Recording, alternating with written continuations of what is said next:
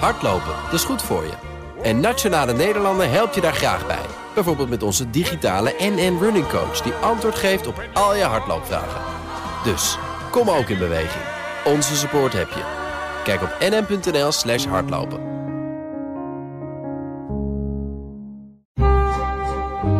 De Perestrooikast. Een blik op Oost-Europa.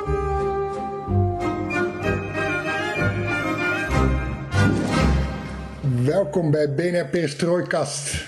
Ik kan het bijna dromen, deze eerste zin, eerste regel. Aflevering 144 van de enige podcast van Nederland die volledig oog voor het oosten heeft en geeft. En we geven toe, we zijn nogal veel aan het uh, publiceren deze weken. Maar het is zeker niet erg als je met terugwerkende kracht onze gesprekken dan uh, ja, terugluistert. Toch Floris? Zeker, dat doe ik met mijn moeder elke dag. Jouw moeder? Bij ja. deze even de goed te doen? Uh, ik bel er zo wel eventjes. Dat is ook goed. Um, weet je, ik mocht een keertje solo van jou. Ja, en per permissie. Dat betekent dat jij dit gesprek ook eigenlijk terugluistert. Mm -hmm. Ja, ik moet het ook. Uh, ik word uh, in de diepe gegooid wat dat betreft, ja. En ik mocht voor jou solo in Berlijn.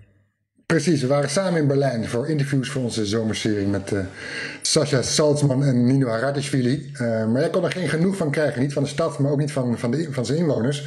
Dus jij hebt ook nog een interview met Gerald Knaus gefixt. Ja, jij had andere dingen te doen. Dus toen ben ik uh, maar uh, in mijn uppie naar Altrepov gegaan. Op de koffie bij Gerald Knaus. Een uh, Oostenrijker, woonachtig in Berlijn. Die een denktank heeft. ESI, European Stability Initiative. En ik ging in een heel kort broekje naar Knaus. het was 35 graden, dus vooruit. Maar dat was ook omdat mijn nette broek, daar was ik de avond daarvoor uitgescheurd. Tijdens onze e-bike tour door Berlijn. Ja, toen je langs de Russische ambassade chaseerde. Ja, mijn, er zat een stukje van mijn zadel los. En daar was ik blijkbaar met mijn broek ook uh, achter aan het haken. En toen okay. zat ik... Uh, gelukkig was het donker, hè? Gelukkig, ik zag niks. Ik zou het eens willen zien. Uh, diezelfde avond waren we aan het eten uh, op een een of ander industrieel terrein. Samen met onze Koen Verhelst uit het Balticum. En uh, ja, het was eigenlijk... De reden dat je Knaus wilde spreken was eigenlijk heel interessant. Vertelde je toen aan tafel met Koen erbij. Ja, ik zal het dan even uitleggen voor de luisteraar. En jij mag gerust uh, aanvullen hoe het op jou overkwam. Maar Gerard Knaus is dus de migratie-expert van Europa. Um, en zijn eigen denktank heeft hij decennia terug opgericht. Het is een beetje een soort Rob de Wijk. Maar dan op migratiegebied en dan dus van heel Europa. Hij is ook de man die de Turkije-deal heeft bedacht. Dus toen uh, de oorlog in uh, Syrië uh, op een heel hevig punt belandde. En er allerlei Syriërs wilden vluchten. En in Turkije kwamen. Toen is daar dus ook een, een deal uit voortgekomen. Waar hij van aan de basis heeft gestaan. Mm -hmm. En hij is heel erg druk deze maanden met het monitoren van de Oekraïense vluchtbewegingen, noem ik het maar even. En dan kom je natuurlijk uit bij de regio van de Perestrooikast. Waar gaan ze heen? Hoeveel komen er weer terug? En ik wilde toch daar het fijne van weten. En ik ging dus bij hem op bezoek. Ja, en ook met de winteropkomst. Want we hebben de indruk dat daar in Nederland op dit moment niet zoveel aandacht is voor, is voor is. Dat er een hele zware tijd voor Oekraïne aan zit te komen. Een deel van het land zit zonder gas, drinkwater licht. Er is infrastructuur vernietigd. En sommige gebieden zijn, zijn bezet. En er kan veel minder gas worden opgeslagen in Oekraïne.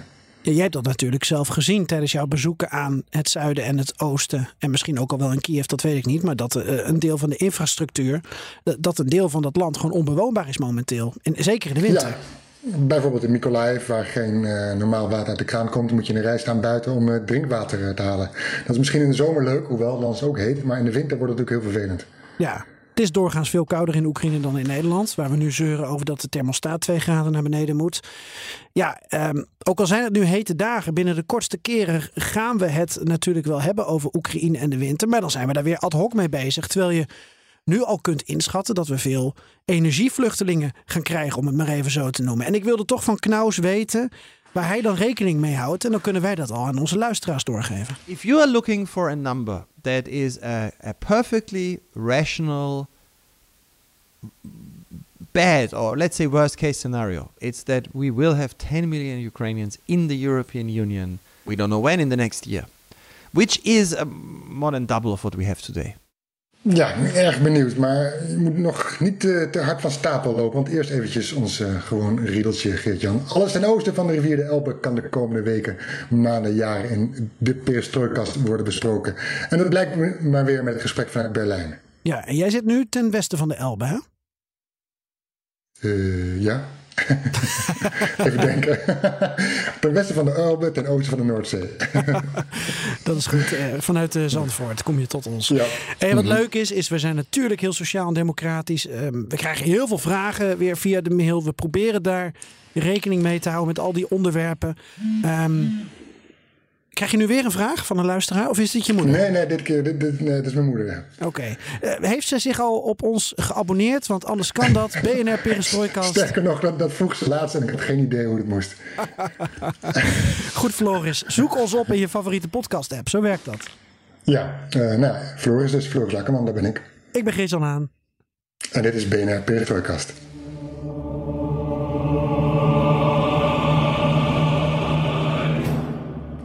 Geert-Jan, even wat cijfers op een rij. Wat weten we over de Oekraïnse vluchtelingen die nu in Nederland zijn? Vertel. Nou, we gaan uh, later uh, deze maand, eigenlijk uh, binnen een week, denk ik, gaan we 75.000 Oekraïense vluchtelingen in Nederland hebben. En uh, dat wordt elke maandag en donderdag netjes geüpdate door een ministerie van de Justitie en Veiligheid. Uit die cijfers blijkt ook dat 23.000 Oekraïners in Nederland minderjarig is. En dan heb je het mhm. natuurlijk over dat we daar onderwijsvoorzieningen voor moeten regelen. Mm en, en hoeveel zijn er aan het werk? Nou, dat arbeidsparticipatie, dan heb je het over 42 procent. Dat is hoog. Uh, het UWV uh, eh, liet deze week aan BNR weten dat ze eigenlijk rekening hadden gehouden met 10%. Maar er is altijd een, een formule voor, voor arbeidsparticipatie. Dan kijk je dus naar de beroepsbevolking uh, en de hele bevolking. Maar in dit geval, weet je, weten we hoeveel Oekraïense minderjarigen er ook zijn. Dan hou je dus zo'n 50.000 Oekraïense uh, meerderjarigen over in Nederland. Mhm. Eh, waar ook nog wat ouderen tussen zitten. Als je daar een berekening op loslaat, dan kom je er dus achter dat van de mensen, volwassenen tussen 18 en 65 jaar, die normaal gesproken dus zouden werken, dat 67,5% van die Oekraïners dus ook een baan heeft, al dan niet tijdelijk. Dat is natuurlijk een ontzettend hoog percentage. Mhm. Ja, eh, ze, ze, ze, zijn actief, ze willen meedraaien. Dat kan ik hieruit concluderen, toch? Ja, en het mag ook, want uh, binnen de EU is ook afgesproken dat uh, Oekraïners in de Europese Unie recht hebben op werk, onderwijs en woning. En zelf mhm. willen ze dat ook graag. Hè? dat is althans mijn indruk. En misschien ook wel dat, dat jou dat bij alle gesprekken is opgevallen. De Oekraïners willen graag ook zelfstandig zijn. En zo min mogelijk het idee hebben dat ze vluchteling zijn. ze willen ja. eigenlijk natuurlijk weer terug als het kan. maar tot die tijd er het beste van maken. Ja, en dan hebben wij er 75.000. Hoe zit het met de andere landen? Nou, deze week werd bekend dat Duitsland inmiddels meer dan een miljoen Oekraïners opvangt. En Polen, dat is wat onduidelijk, want uh, deze week kwam het bericht naar buiten dat de grenswachters 5,5 miljoen mensen hebben gecontroleerd aan de grensovergang van Oekraïne naar Polen sinds 24 februari. Maar goed, daar zitten ook mensen bij die dan weer doortrekken naar Duitsland en naar mhm. Nederland bijvoorbeeld. Um, en er zijn een heleboel mensen weer teruggekeerd naar Oekraïne. Of die pendelen heen en weer. Dichter ook aan of er dan dreiging is in de, in de regio van Kiev bijvoorbeeld. Uh, Waar het op neerkomt is dat je uh, op dit moment waarschijnlijk tussen de 2 à 3 miljoen Oekraïnse vluchtelingen in Polen hebt. Maar dat aantal fluctueert dus enorm. Mm -hmm. En sinds het begin van de oorlog ja, op dit moment. op dit moment. Ja, ja, op dit moment, ja. En, en dan, dat is, dan, dan, met die cijfers in het achterhoofd uh, ga je naar uh, de heer Knaus in Berlijn. Die verstand heeft van allerlei, ja, van de evenredige verdeling van vluchtelingen. De man achter de, Tur de Turkije-deal. Wat zegt hij dan over de Nederlandse cijfers, die van 75.000? Nou, dat 75.000 een laag aantal is. En ik zal mm -hmm. maar even uh, ja, de knuppel in het opvanghok gooien. Als je kijkt naar hoeveel inwoners Nederland heeft, uh, eh, 17 miljoen. En als je kijkt naar hoeveel inwoners de Europese Unie heeft, plus Groot-Brittannië. Zullen we dat erbij nemen? Want dan kom je uit op zo'n 500 miljoen. Rekent mhm. makkelijk en ook Groot-Brittannië uh, draagt natuurlijk uh, bij. Nou, heb je 500 miljoen mensen in Europa. Ehm, als je kijkt naar het inwoneraantal van Nederland, dan zou je dus zeggen van nou, wij zouden 3 à 4 procent van de Oekraïners ook moeten kunnen, kunnen opvangen. Um, dat zegt Knaus ook. En um, Nederland zou eigenlijk op basis van de 5 miljoen vluchtelingen die nu in Europa zijn uit Oekraïne, 5 à 6 miljoen, zouden we er eigenlijk wel um, 150.000, 180.000 moeten kunnen opvangen. Als je het evenredig verdeelt. Polen Ja. is natuurlijk helemaal aan de andere kant van die medaille. Maar stel dat we in de winter nou 10 miljoen vluchtelingen in Europa hebben. Dan zou je in Nederland toch wel nou, 350, 360.000 Oekraïners tijdelijk moeten gaan opvangen. Als je het eerlijk verdeelt. Daar is nu geen sprake van. Maar dat is wel hoe je ernaar zou kunnen kijken. En dat zijn ook cijfers die Knaus en zijn denktank, European Stability Initiative, ehm, later deze week ook gaan publiceren. Maar hoe ga je het dan verdelen? Ik bedoel, de, de ene, het ene aantal naar Oekraïne, naar Nederland, het andere aantal naar Polen. Hoe, eh, hoe krijg je dat voor elkaar als je het zou willen verdelen? Ja, als je het zou willen verdelen. Want op dit moment is de verdeling vrijwillig. Dus Oekraïners kunnen eigenlijk zelf bepalen waar ze heen gaan. En de Oekraïners bepalen dus ook zelf dat ze nog in het ehm, midden van Europa blijven hangen. Want een bekende taal, want in de buurt van huis, tussen haakjes. Het gevoel dat, eh, dat ze daar mensen kennen. Eh, het voelt minder vreemd dan als ze helemaal naar Spanje bijvoorbeeld zouden trekken. Maar Knaus is wel voorstander van een soort van Oekraïne-luchtbrug om, die om de vluchtelingen beter te verdelen. Ja, weet je nog dat we in Berlijn daar ook bij stonden, bij die, eh, bij die luchtbrug? Die, eh, uit het verleden, ja.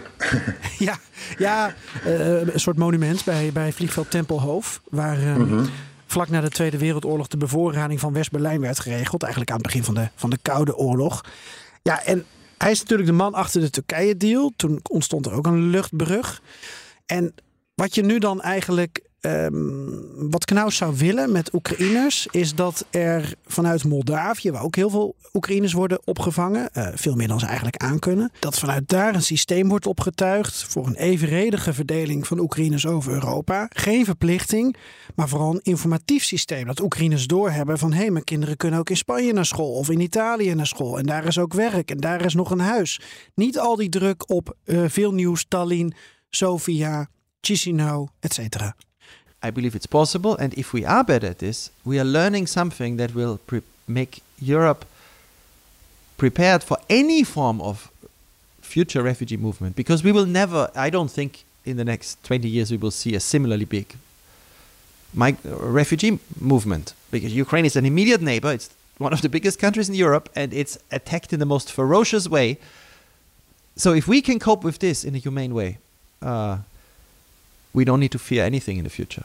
Waar het dan ook in dit gesprek over gaat, is financiering. En Knaus is groot voorstander van directe financiering aan gemeentes en steden in plaats van aan nationale overheden. Zodat je dus een stad als Warschau direct geld kan geven als daar heel veel vluchtelingen naartoe gaat. Dan werk je natuurlijk ook om dat tussen haakjes lastige Polen heen, dat nu natuurlijk met de commissie overhoop ligt, om allerlei financiële redenen, eh, met coronaherstelfondsen. Maar het idee van Knaus is, Zorg ervoor dat het geld komt op de plek waar het het hardst nodig is. In dit geval de plek waar de meeste Oekraïners naartoe gaan. Zeker met de winteropkomst is dat iets waar je over na moet denken. Die luchtbrug is onderdeel van die grote bulk tussen haakjes aan mensen. Om die enigszins te verspreiden en die steden in het oosten wat lucht te geven. Maar daar zullen natuurlijk nog de meeste mensen blijven hangen. En dan moet je dus over financiering nadenken. when it gets cold, and that's soon in Ukraine, and people cannot stay in large parts of the country, we could very easily see another 2 million. Just as quickly as they went back to Ukraine in the last few months from Poland, millions went back to Ukraine, those same people could come the other way when they realize they can't survive in Ukraine. And then we cannot rely that there will be another hundreds of thousands of households in Warsaw, Krakow, even Berlin that will be available. Just say, okay, we take them. So we need to prepare now, and that requires funding. Maar nogmaals, het gaat er ook om dat de Oekraïners ook doorkrijgen dat ze niet alleen in Polen of Moldavië goed af zijn, maar dat ze ook naar Spanje of Frankrijk kunnen. Landen waar naar verhouding heel weinig Oekraïners worden opgevangen. Maar dat is Ja. ook omdat die Oekraïners die denken, eh, ja, wie ken ik daar nou? Nou, inmiddels zijn we zes maanden verder. Daar is natuurlijk een netwerk ook ontstaan. Daar zijn woningen, daar is onderwijs, eh, daar is werk. Eh, plus, zegt Knaus, je moet die Oekraïners dan ook een ticket aanbieden. Het gevoel dat als ze naar huis kunnen, dat de autoriteiten daar dan gelijk die vlucht regelen en betalen. Want dat houdt ze ook een beetje tegen. Oké. Nou ja, ik ben heel benieuwd wat hij nog meer te vertellen heeft. Voor mij is het ook de eerste keer. Dus eh, laten we luisteren naar jouw interview met eh, Gerard Knaus vanuit zijn woning in Berlijn. En daar introduceert hij zichzelf evenals zijn werk voor zijn eigen denktank ESI. So I am I am uh, in the field of, of, of, of, of human rights and post conflict democratization for many decades now. I worked in the Balkans for international organizations. We created our think tank in Sarajevo in 1999. And the original motivation behind it to do that one or two years was to write reports that make a- another war in the Balkans less likely. So we started working on European integration. How can enlargement strengthen democracies, make conflict less likely? We worked a lot on human rights issues, on war crimes, on the international tribunals. Um, and we started working, of course, a lot on refugee return because this was a big issue in the Balkans. There, the issue was people who wanted to return into areas where they were at risk. I worked on this for an international organization, and then we worked on it as analysts. And finally, and this is what us, gets us straight into the debate on refugees in the last few years, we worked a lot on visa liberalization. How do you persuade ministers of interior of European Union member states to lift the visa requirement for uh, Albanians, Moldovans, Ukrainians, Bosnians? And in that work, our think tank, we, we, we produced a lot of research, advocacy, and we created networks with former interior ministers to persuade them to let people travel without requiring a visa. And what we learned in this process is how you can get a lot more mobility um, and persuade people whose first priority in parliaments is to say, We have control, we protect you. How you can get them to be in favor of mobility, of letting people in without checks, as long as you address the security concerns. Then you can persuade a majority of member states in the EU. And that's sort of our style of working. We're trying, through our research, to achieve, to, to develop arguments and facts that persuade policymakers in the end to change their behavior. It's been almost half a year since the full scale Russian invasion in Ukraine started. If we look back at the last six months, and if we use all the knowledge that you gained for the last 25 years, what's your reflection on how Europe dealt with the refugee crisis, all the people coming from Ukraine? Well, I mean, it's an extraordinary, extraordinary story. There's, there's never been in post 1940s European politics such a massive movement of refugees. Uh, and indeed, in the world, the speed with which millions of Ukrainians within a few weeks left Ukraine and entered the European Union is really unprecedented. And what we what we learned there, which connects us to the issue of visa liberalization, the key, of course, was Ukrainians could enter visa free. So this was not irregular migration. This was not uh, with with smuggler, people smugglers across borders risking their lives. Because Ukrainians had the right to come visa free, and because the public in Europe supported this, and because ministers of interior realized asylum is not a solution. You can't have uh, asylum decisions when suddenly within a, a, month you have three and a half million people arrive. They then took the very important historic decision that Ukrainians could just settle anywhere in the EU without any further procedure. They should just apply for temporary protection. And that is the second historic thing. So the size of the, the, the the refugee movement is, is unprecedented, but the response to just say, find yourself anywhere in the EU, you can work, you get social support, you get a residence permit, you can send your children to school, you have access to healthcare, all the rights of recognized refugees. Any Ukrainian who comes in gets those rights. That also was historic. And the real conclusion after the first few months is this has worked astonishingly well with the numbers of people coming, the fact that we do not have horrible mass accommodations, tent cities, uh, hundreds of thousands of people stuck uh, in somewhere in bad accommodation. That's with all the difficulties, millions of people could find a place. Um, is a, an extraordinary success. What could have been done better, looking back? Well, I don't think there was a choice, really. Uh, uh, it was a historic decision, but it was also without an alternative to grant temporary protection. And that meant, uh, in that moment, you do that, you can no longer control where people go. That is the right thing. You cannot, and we've learned that, and we've had uh, five, no more, 10 years probably, of useless debates in the European Union on quotas, on distributing people in an administrative way. You know, you need to take so and so many asylum seekers. And I say useless because nobody could ever say how you would do that uh, in the EU, how you actually get people to go and stay where they're supposed to go and stay. So we didn't do that. That was not a mistake. I think there were two things that could have been done better. But more importantly, that should still be done not today, because the crisis is not over. Uh, one, I think it would be, it would be, and it should still be done. Really important to create a European fund that funds directly municipalities, cities, regions where Ukrainians have taken up residency. It would be a powerful symbol of European solidarity. And, you know, at this moment, the European Union has a fight with Poland over the rule of law. And I fully support the Commission not spending the money because Poland doesn't meet the criteria. But for Warsaw, for Krakow, for Polish cities that host incredibly high numbers of Ukrainians, uh, to be able to get support for this is not just good for Poland or for the refugees, it's good for Europe. Same for the Czech Republic, for Bulgaria, for Cyprus. I mean, countries that have taken in a lot of Ukrainian refugees. If I can interrupt you, um, uh, the mayor of Warsaw, Mr. Trzaskowski, he was bringing this up when I was in Poland, I think end of March, beginning of April, together with the Prime Minister of the Netherlands, with Mark Rutte. And I remember Mark Rutte um, in this sport arena where hundreds of Ukrainians were mm. um, seeking uh, asylum.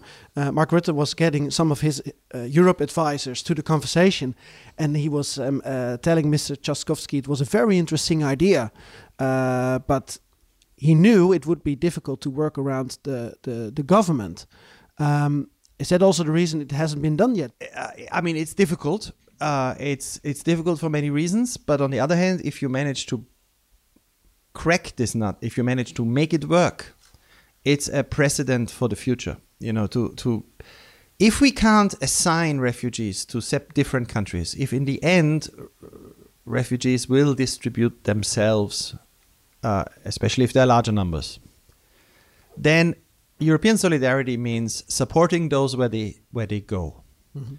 Uh, so I think working through those difficulties, and we will need it in the winter.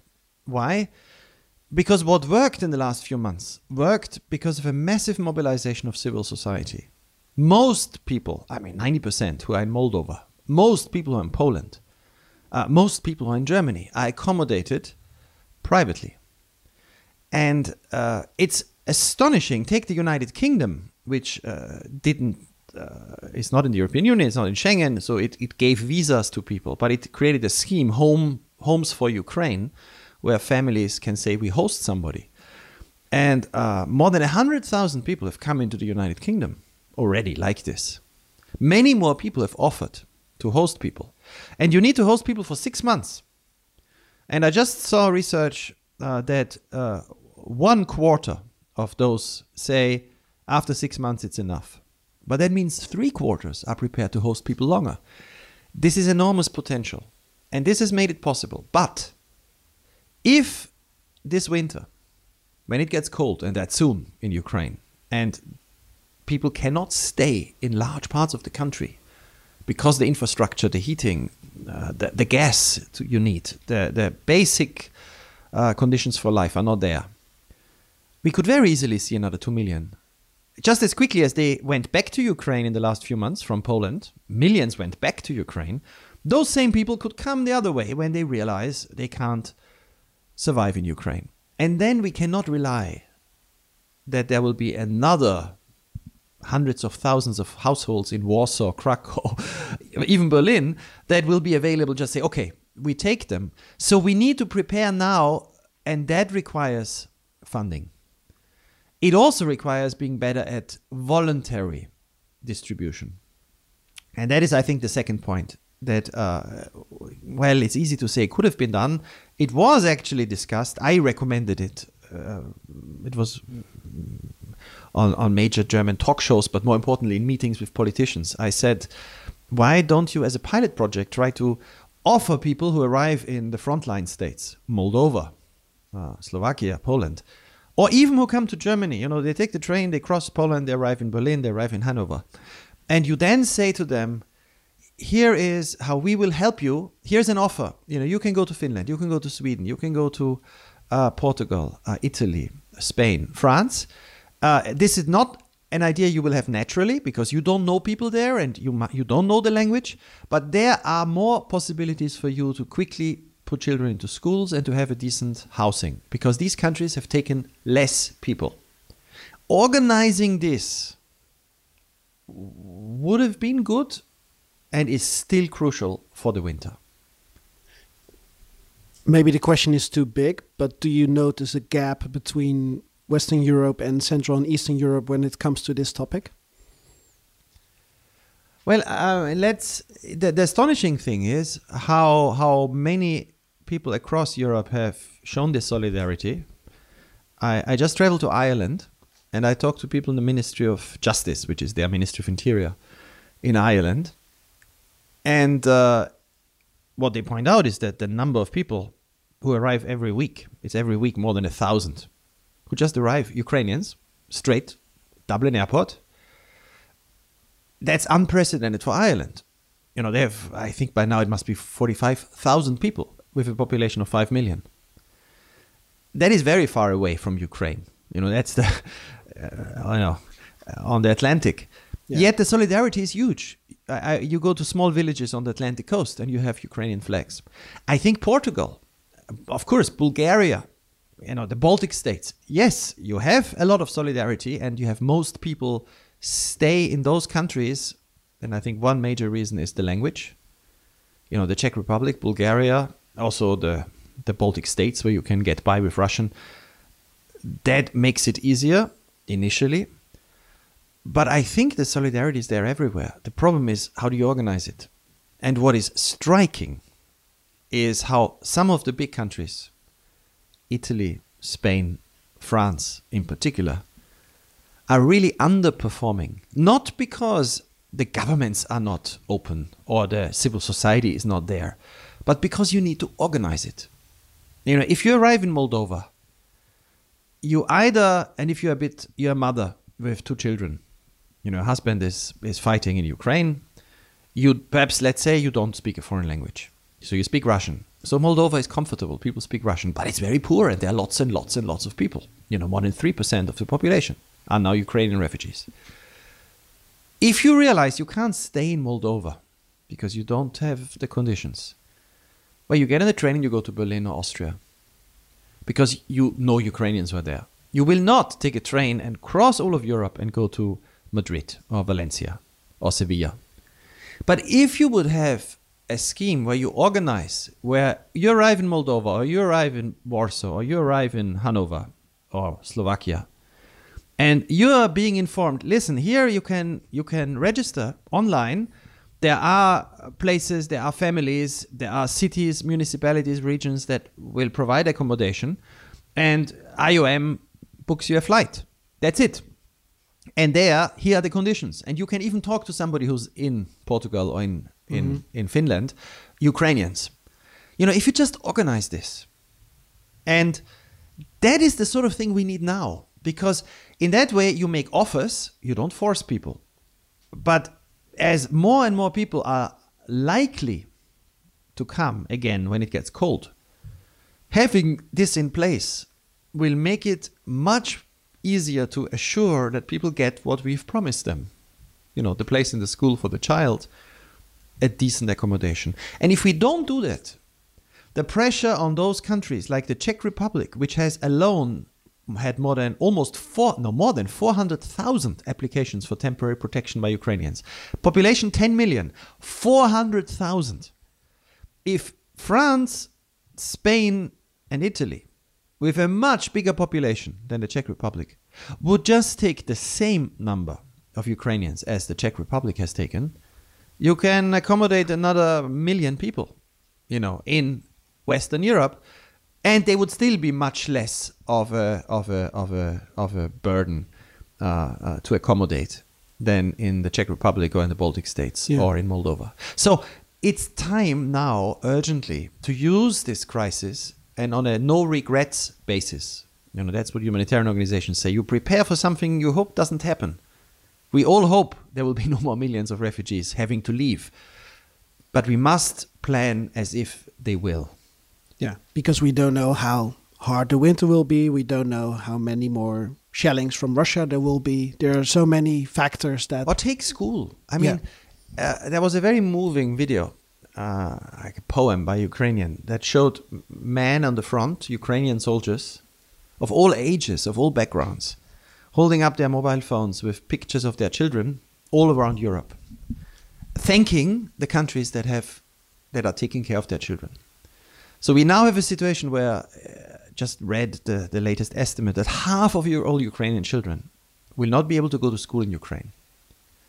So they will either be already traumatized, be internally displaced, have their fathers and, and older brothers fight. They will either have a horrible winter in Ukraine, or we manage to cru- to use this and to offer them. Well, you can go to a school in Portugal or or Ireland or France or Germany or the Netherlands. yeah. Now, making this, preparing for this, is one way in which European societies can help. And many are willing to do that. It's also the best way to really promote European integration of Ukraine because it's an integration of people. You know, anybody who will have spent half a year or a year then in the Netherlands to meet people, to, to, to learn a bit of the language, to, to have contacts, to talk to Dutch or Belgian or French people about their country.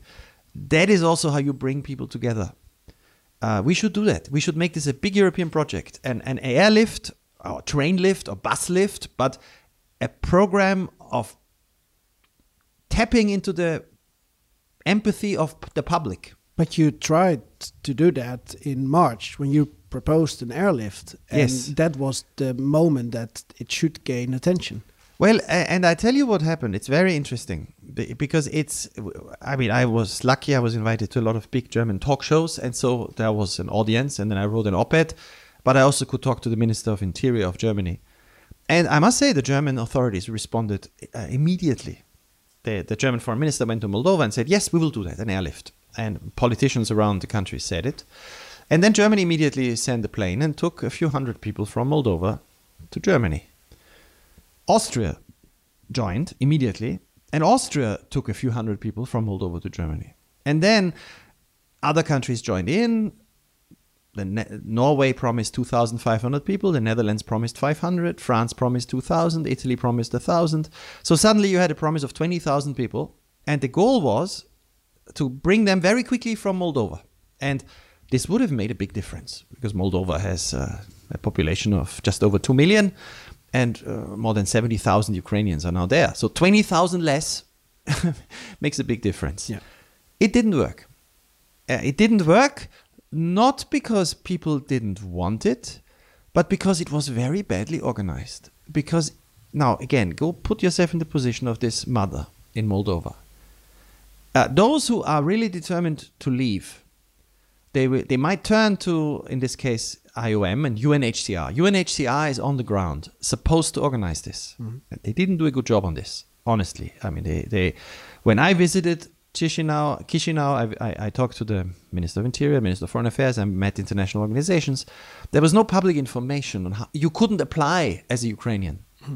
There was no information on how long it would take. You know, what they should do still today is just say, here is a website.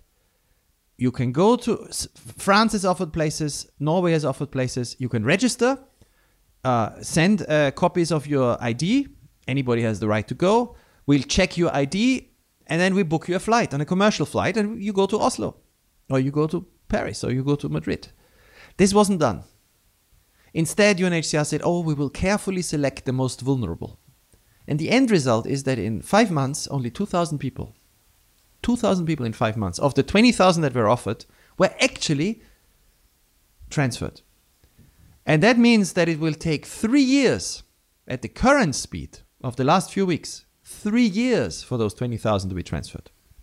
That is a failure. But it didn't cause a disaster because, of course, every day more than a thousand people just got on the train by themselves. they just distributed themselves. And that is what we've seen the last few months. The laissez faire approach, letting people distribute themselves, has compensated for our failure to organize, which is fine until a limit. But when it will be winter, when we will have potentially again millions coming, to rely on laissez faire alone is irresponsible. So, my recommendation is make this Moldova scheme work now, improve it. You know, tell UNHCR you don't need to select anyone. You know, if you have somebody who's vulnerable, you can put them on the list. But otherwise, anybody who's in, in Moldova should just be able to register themselves. But what you should do is link that to the platforms, the websites where people can, and you, you there's been a lot of this development in Germany and elsewhere.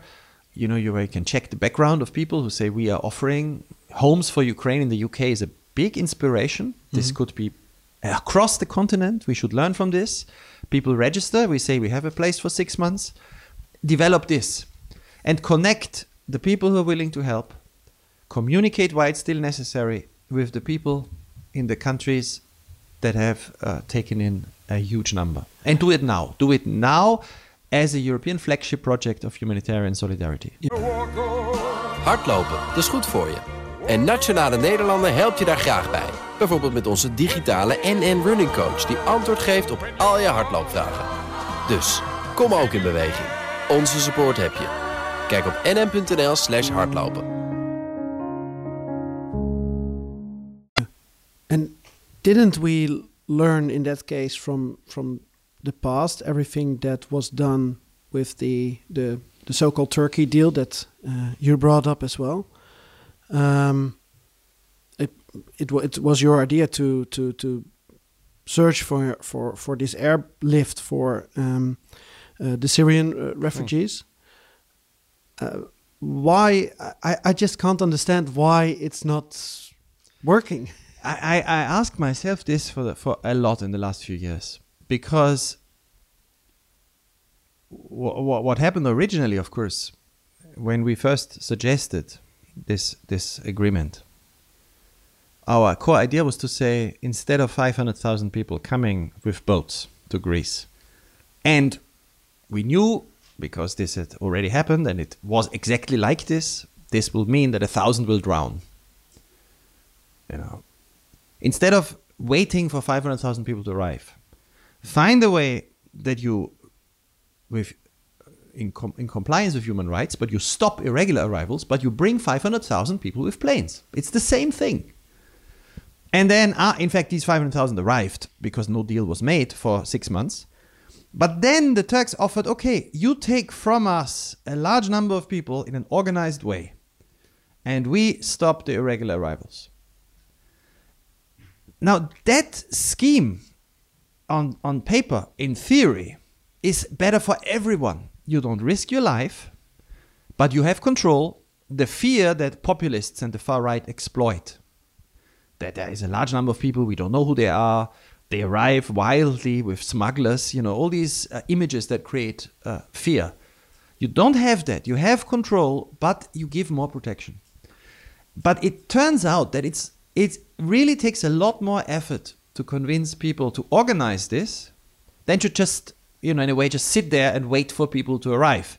Except that when this has happened for a while, people will then back politicians who just send soldiers to the border. And that's what we've seen in Europe in the last few years. We've seen it on the Greek Turkish border, on the Polish border with Belarus. We see it on the border of the Spanish exclaves in North Africa, Ceuta and Melilla. We see it on the border of Hungary, on the border of Croatia with the Balkan countries. Everywhere we've seen violence, force, brutality to stop people. And it's not one government, and it's not just right-wing governments. You know, Spain is a is a left coalition, but everywhere in Europe, and we've had a big consent among interior ministers and, and heads of and leaders of governments not to criticize this too too much or at all.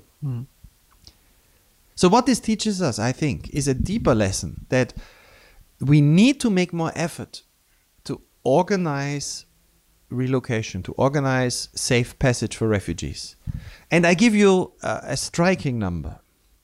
In the last four years, uh, Austria had a chancellor from end of 2017 until end of 2021, Sebastian Kurz, who built his whole career on trying to stop um, refugees. I mean, he, he, he, he said his big achievement was to stop them with force in the Balkans, you know, closing the border with force. That was the whole idea of the Balkan route closure.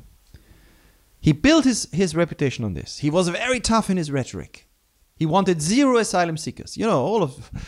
And um, in those four years, Austria gave protection to 56,000 people who arrived anyways, which is, uh, you know, 1,500 people per year per million population.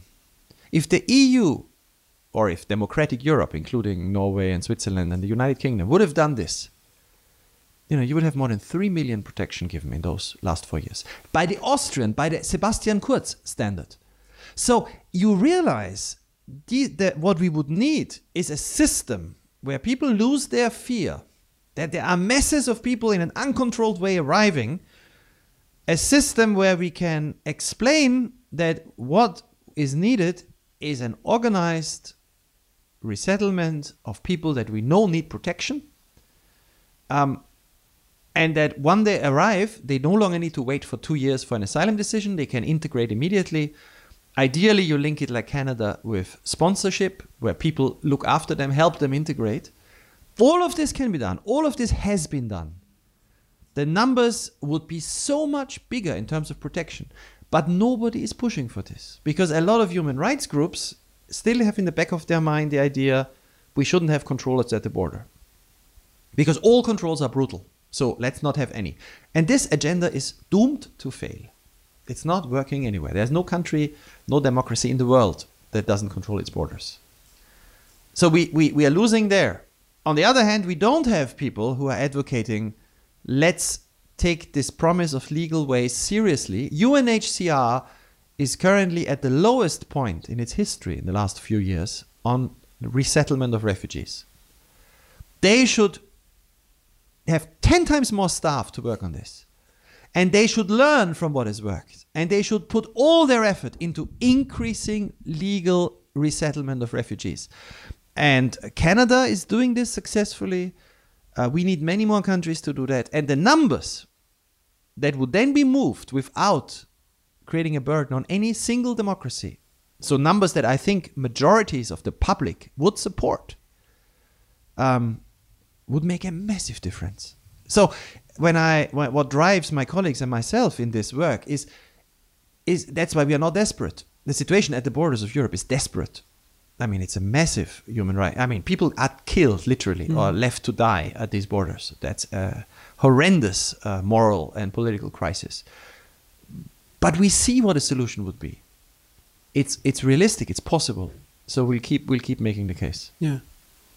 I have two more questions. Um, my first question um, is about the the figure you were mentioning, um, and there are many um, things we don't know yet about uh, the winter that's coming to Europe. Um, but here in Germany, everyone is preparing because of Nord Stream One made everyone um, alarmed. Um, but you, you mentioned the number of, of, of 2 million uh, refugees from Ukraine potentially coming to Europe. I, I find that a, quite a low number. yes, Um, I, I- you know why I say but isn't it, that's not the worst case scenario, I guess. No, no. Uh, the reason I, I, I say this number is that I mean it's very people have. I don't think uh, uh, people in Europe have realized the the pattern of this movement. We've had in the first four weeks. In the first three weeks, we had a million people come each week after the war started in, in February. It slowed down, but it kept going. But after the turning point in the battle in Kiev, when the Russian troops withdrew from Kiev, we suddenly saw, and we, we know it in, in detail from the Polish border, how many people went the other way. And suddenly more people went back than came. people still come in large numbers, but people returned or moved back and forth in large numbers too. So in Poland, you had uh, a few weeks ago, I know the number by heart, more than 4 million people across the Polish border from Ukraine, but um, more than 2 million people went the other way. And so when I say we should expect that there might be another few million, 2 million in the winter, that is just people who've been in Europe as refugees and have gone back. You know, people who've already once made this move and Okay. they could very easily make it again. If, you know, and I, there's no point having, um, you know, catastrophic scenarios uh, unless we do something. So I'm saying let's prepare for another 2 million. of course, it could be more. We don't know. Uh, there are millions of this internally displaced in Ukraine. What we've seen in the last few months is, and that's a very important lesson, is that people really don't like to be displaced. They want to be with their families. That's why they went back despite the war. Yeah. People don't like to, even if they are accommodated. Uh, these are not immigrants. You know, they don't they don't come to Europe for a job, and they would want to go back as quickly as they can. But it might not be possible. It might be required that the children and and, and, and, and women and and older people come again. Those who've already gone back. And so yes, let's prepare for let's prep let's hope it doesn't happen, but let's prepare for at least the possibility that another two million come in the summer, in the winter. And at this moment, you know, Warsaw, Prague, Bratislava, Sofia, Tallinn, Vilnius, all these cities have taken a huge number of people. Um, it will be very difficult to just um, hope that they will two million, another two or three million people just dis- be absorbed. We need to organize this, and we need to organize it better than this Moldova airlift, where you know you have a, an incredible amount of meetings. You know you have terms of uh, I mean you have uh, operating standard operating procedures. You know how how many organizations need to be involved, and then you see it leads to hundred people a week being moved. That is not serious. Uh, that's a, a fair weather preparation. That's what you do when you don't have a crisis. We need to become much better at this. I believe it's possible, and if we are better at this, we are learning something that will pre- make Europe prepared for any form of future refugee movement. Because we will never, I don't think in the next 20 years we will see a similarly big refugee movement because Ukraine is an immediate neighbor. It's one of the biggest countries in Europe and it's attacked in the most ferocious way. So if we can cope with this in a humane way, uh, we don't need to fear anything in the future. I'm really f- fearing that that that with all the infrastructure destroyed and all the people who are still trying to hold on and to cope with the situation and still standing in line in Mykolaiv for the for the for the bottles of water because water is not running there anymore. Um, don't you expect that there will be a point in November or something that they are saying we we can't do this anymore. We need to go to Moldova or Romania. I warned in March, and this received a lot of attention in, in, in Germany, at least Austria and the German speaking countries, that we should expect 10 million people. Yeah.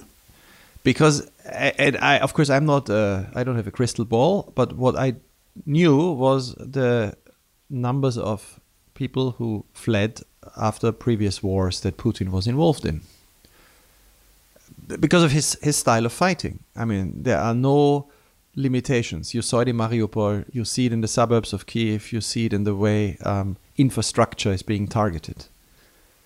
Uh, and in the previous conflicts, both in eastern Ukraine and in Chechnya, and of course in Syria, you know, in all of these situations, it took uh, some time, but a quarter of the population in ended up being displaced outside. And when I said that in March, people took it seriously because, of course, every week a million came. Then that flow, that number, uh, sharply reduced because the situation in Ukraine stabilized and it also became warm and Ukraine, Kiev didn't fall. So it's like sorry to interrupt But you. I, I still think it's possible. You know, if you are looking for a number that is a, a perfectly rational bad, or let's say worst case scenario, it's that we will have 10 million Ukrainians in the European Union. We don't know when in the next year, which is more than double of what we have today.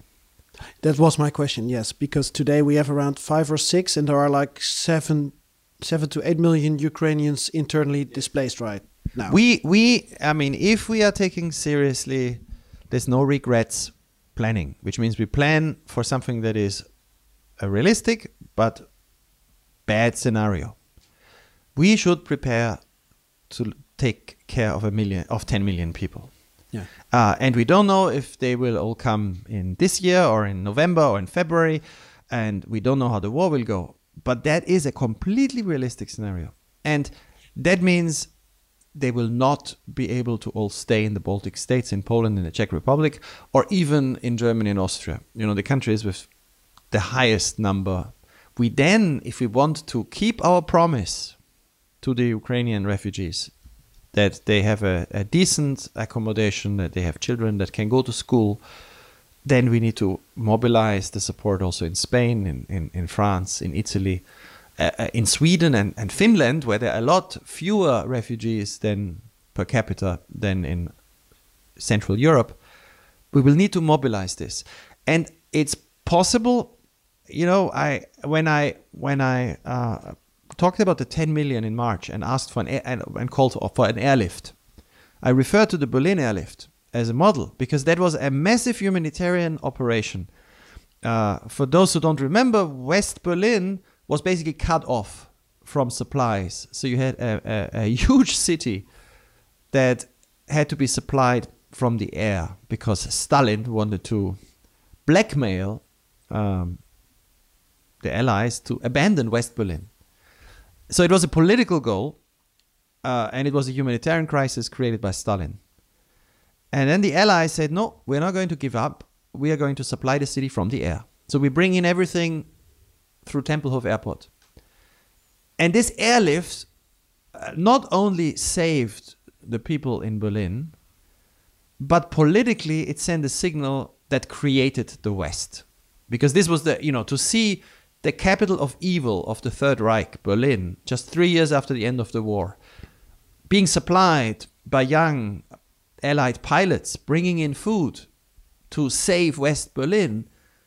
You know, you, you, you, if you want to do something to really change attitudes and create a sense of, wow, we are now a community and we are jointly opposing Stalin, that was it.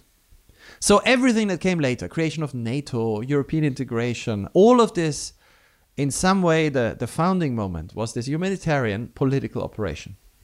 And logistically, it was unprecedented to make sure that you could get enough food in. What the pilots did at the airport, the way they organized arrivals and departures was incredible, incredible story. This is the kind of inspiration we need now. We need to think, and uh, I said airlift because of the analogy, but you know, uh, buses, trains, it doesn't matter. But what we need is we need to be able to to uh, find ways through information, through offers, in a voluntary way, but to distribute a potentially even larger number of Ukrainians in such a way that that they can get the support we've promised. Yeah. And if the Netherlands, uh, right now, the Netherlands are having 60,000 Ukrainians, I think. Um, and we were preparing for 50,000. Uh, and now the stories, of course, are going around uh, about that it's, uh, that it's full.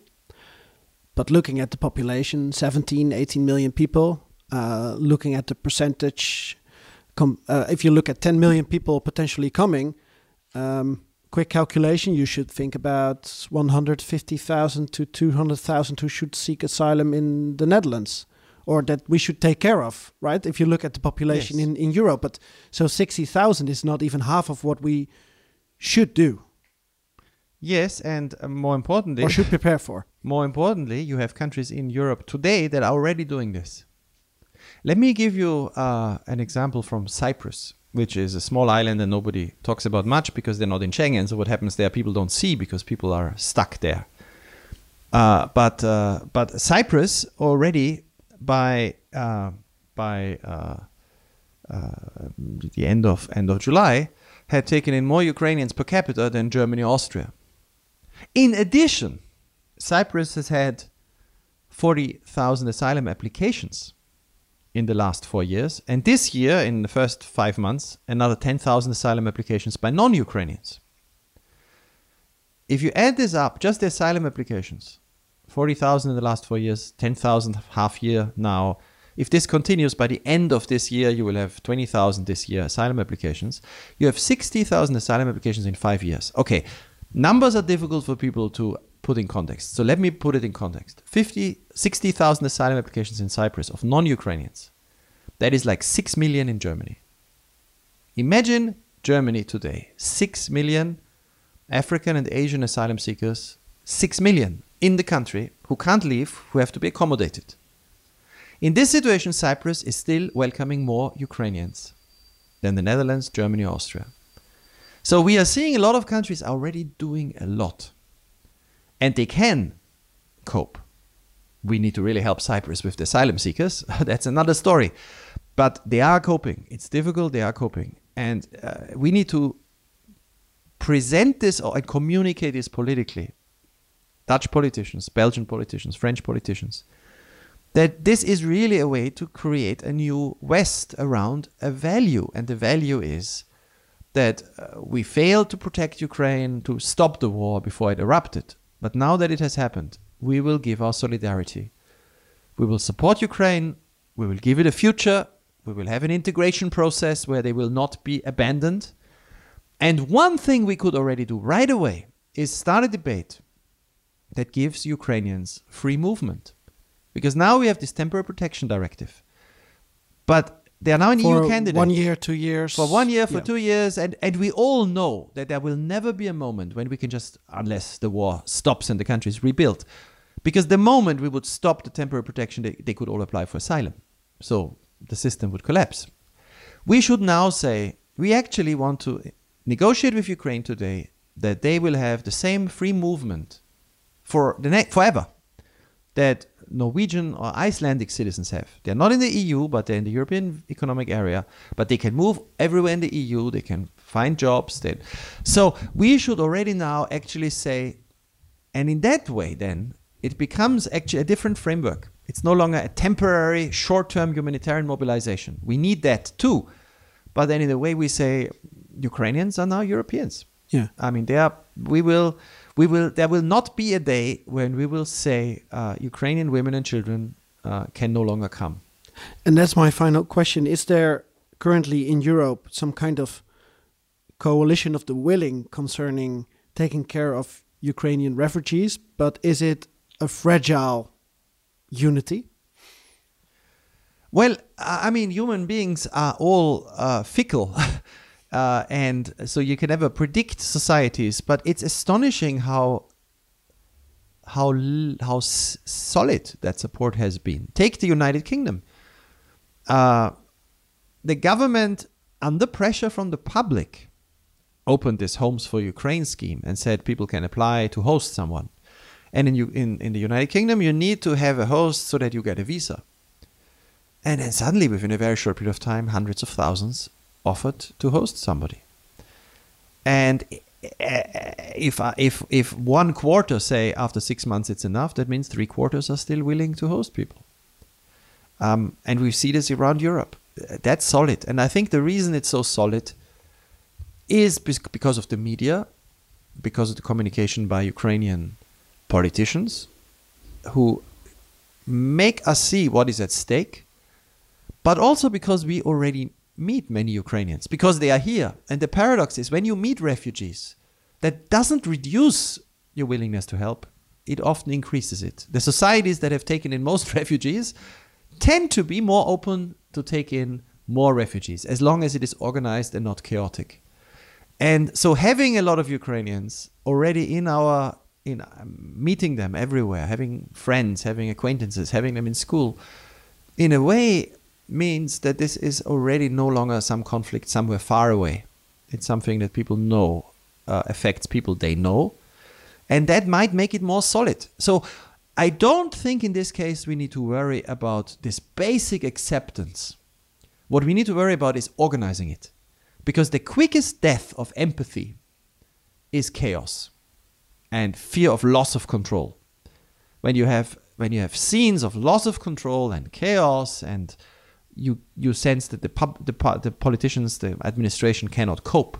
That's when empathy is replaced by concern and then fear. So let's organize. But i think at the moment we still have a solid support. And this is good because in democracies without solid public support governments will not be able to do what they need to do. So Ukrainians are, and that's a, maybe a, somehow a sad conclusion, but for some reason the the the the flee from Ukrainians to Europe is somehow uniting Europe in a way we didn't see before. Well, it's it's not even. or is it too cynical? no, I don't think it's cynical, and I think it's actually something we've seen around the world. It's the solidarity of neighbors. You know, I, I don't buy these arguments that it's about racism and Ukrainians being Christians, which, well, they're not very religious, or being white because most of European history is is white Christians killing each other, including today in Ukraine, you know, Russia and Ukraine, and here in this city, I mean, Germany, Austria, our ancestors, uh, the most ferocious, the most brutal colonial war they ever fought was in Ukraine, killing millions of Ukrainians. So it's not natural that just because people, some of them might be blonde, we have sympathy. No, it's because of the stories we see what happens. We we learn through the media and then through people that this is an attack on a country totally uh, without any justification and with the goal to destroy it. People can empathy can understand this, so they say this is not right, and they want to do something. And this solidarity with neighbors, I saw it in Turkey for years for the Syrians. You know, Turkey took in five percent of the Turkish population are Syrian refugees and, and, and other asylum seekers. Today, you know, think of the Netherlands 5%, what that would be, right? 600,000. Uh, Turkey has had 5% of the population for many, many years refugees. There are tensions. Um, uh, the Turkey is in an economic crisis, so it's I, I don't think it's it's it's easy at all. But one reason this made this possible for many years was because it was Turkey's Turks saw what happens on the other side. Colombians, a country with many internally displaced, millions of IDPs, Colombians who were displaced by conflict, welcomed a huge number of Venezuelans. And of course, Uganda uh, in East Africa welcomed a huge number of people fleeing from South Sudan and Sudan. This solidarity of neighbors is something we need to build on in the global refugee system. And Europe should show how a wealthy continent can do it. En dat was interview Geert-Jan geweldig gedaan. Vooral de credits aan uh, Gerard Knaus. Hè? Dus, uh, ik stel alleen maar een paar simpele vragen. Met Gerard Knaus vanuit Berlijn. Nee, eh, klasse. Ik bedoel, je, je, hebt je vastgebeten in hem om het te pakken te krijgen. En je bent naar hem toe gegaan. Dus dat is ook een journalistieke eigenschap die je moet hebben. Dus dank daarvoor. En ook dank voor alle extra info die we nu weten over de Oekraïnse vluchtelingen die ver van huis zijn of weer ver van huis gaan. Laat me raden, volgende week eh, een interview met hem in NRC. Uh, eh, geen idee, daar ga ik niet over. Nee, nee. Maar met plezier gedaan, mijn waarde Floris. En ik vind het ook echt een uh, belangrijk thema. Uh, ik denk dat we hier de komende weken, maanden meer van gaan horen. Maar ik, ik hoop niet jaren in ieder geval. We zullen zien. Pakka. Aito.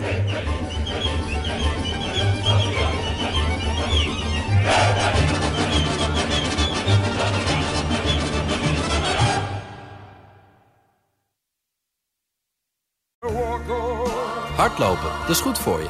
En Nationale Nederlanden helpt je daar graag bij. Bijvoorbeeld met onze digitale NN Running Coach... die antwoord geeft op al je hardloopvragen. Dus, kom ook in beweging. Onze support heb je. Kijk op nn.nl slash hardlopen.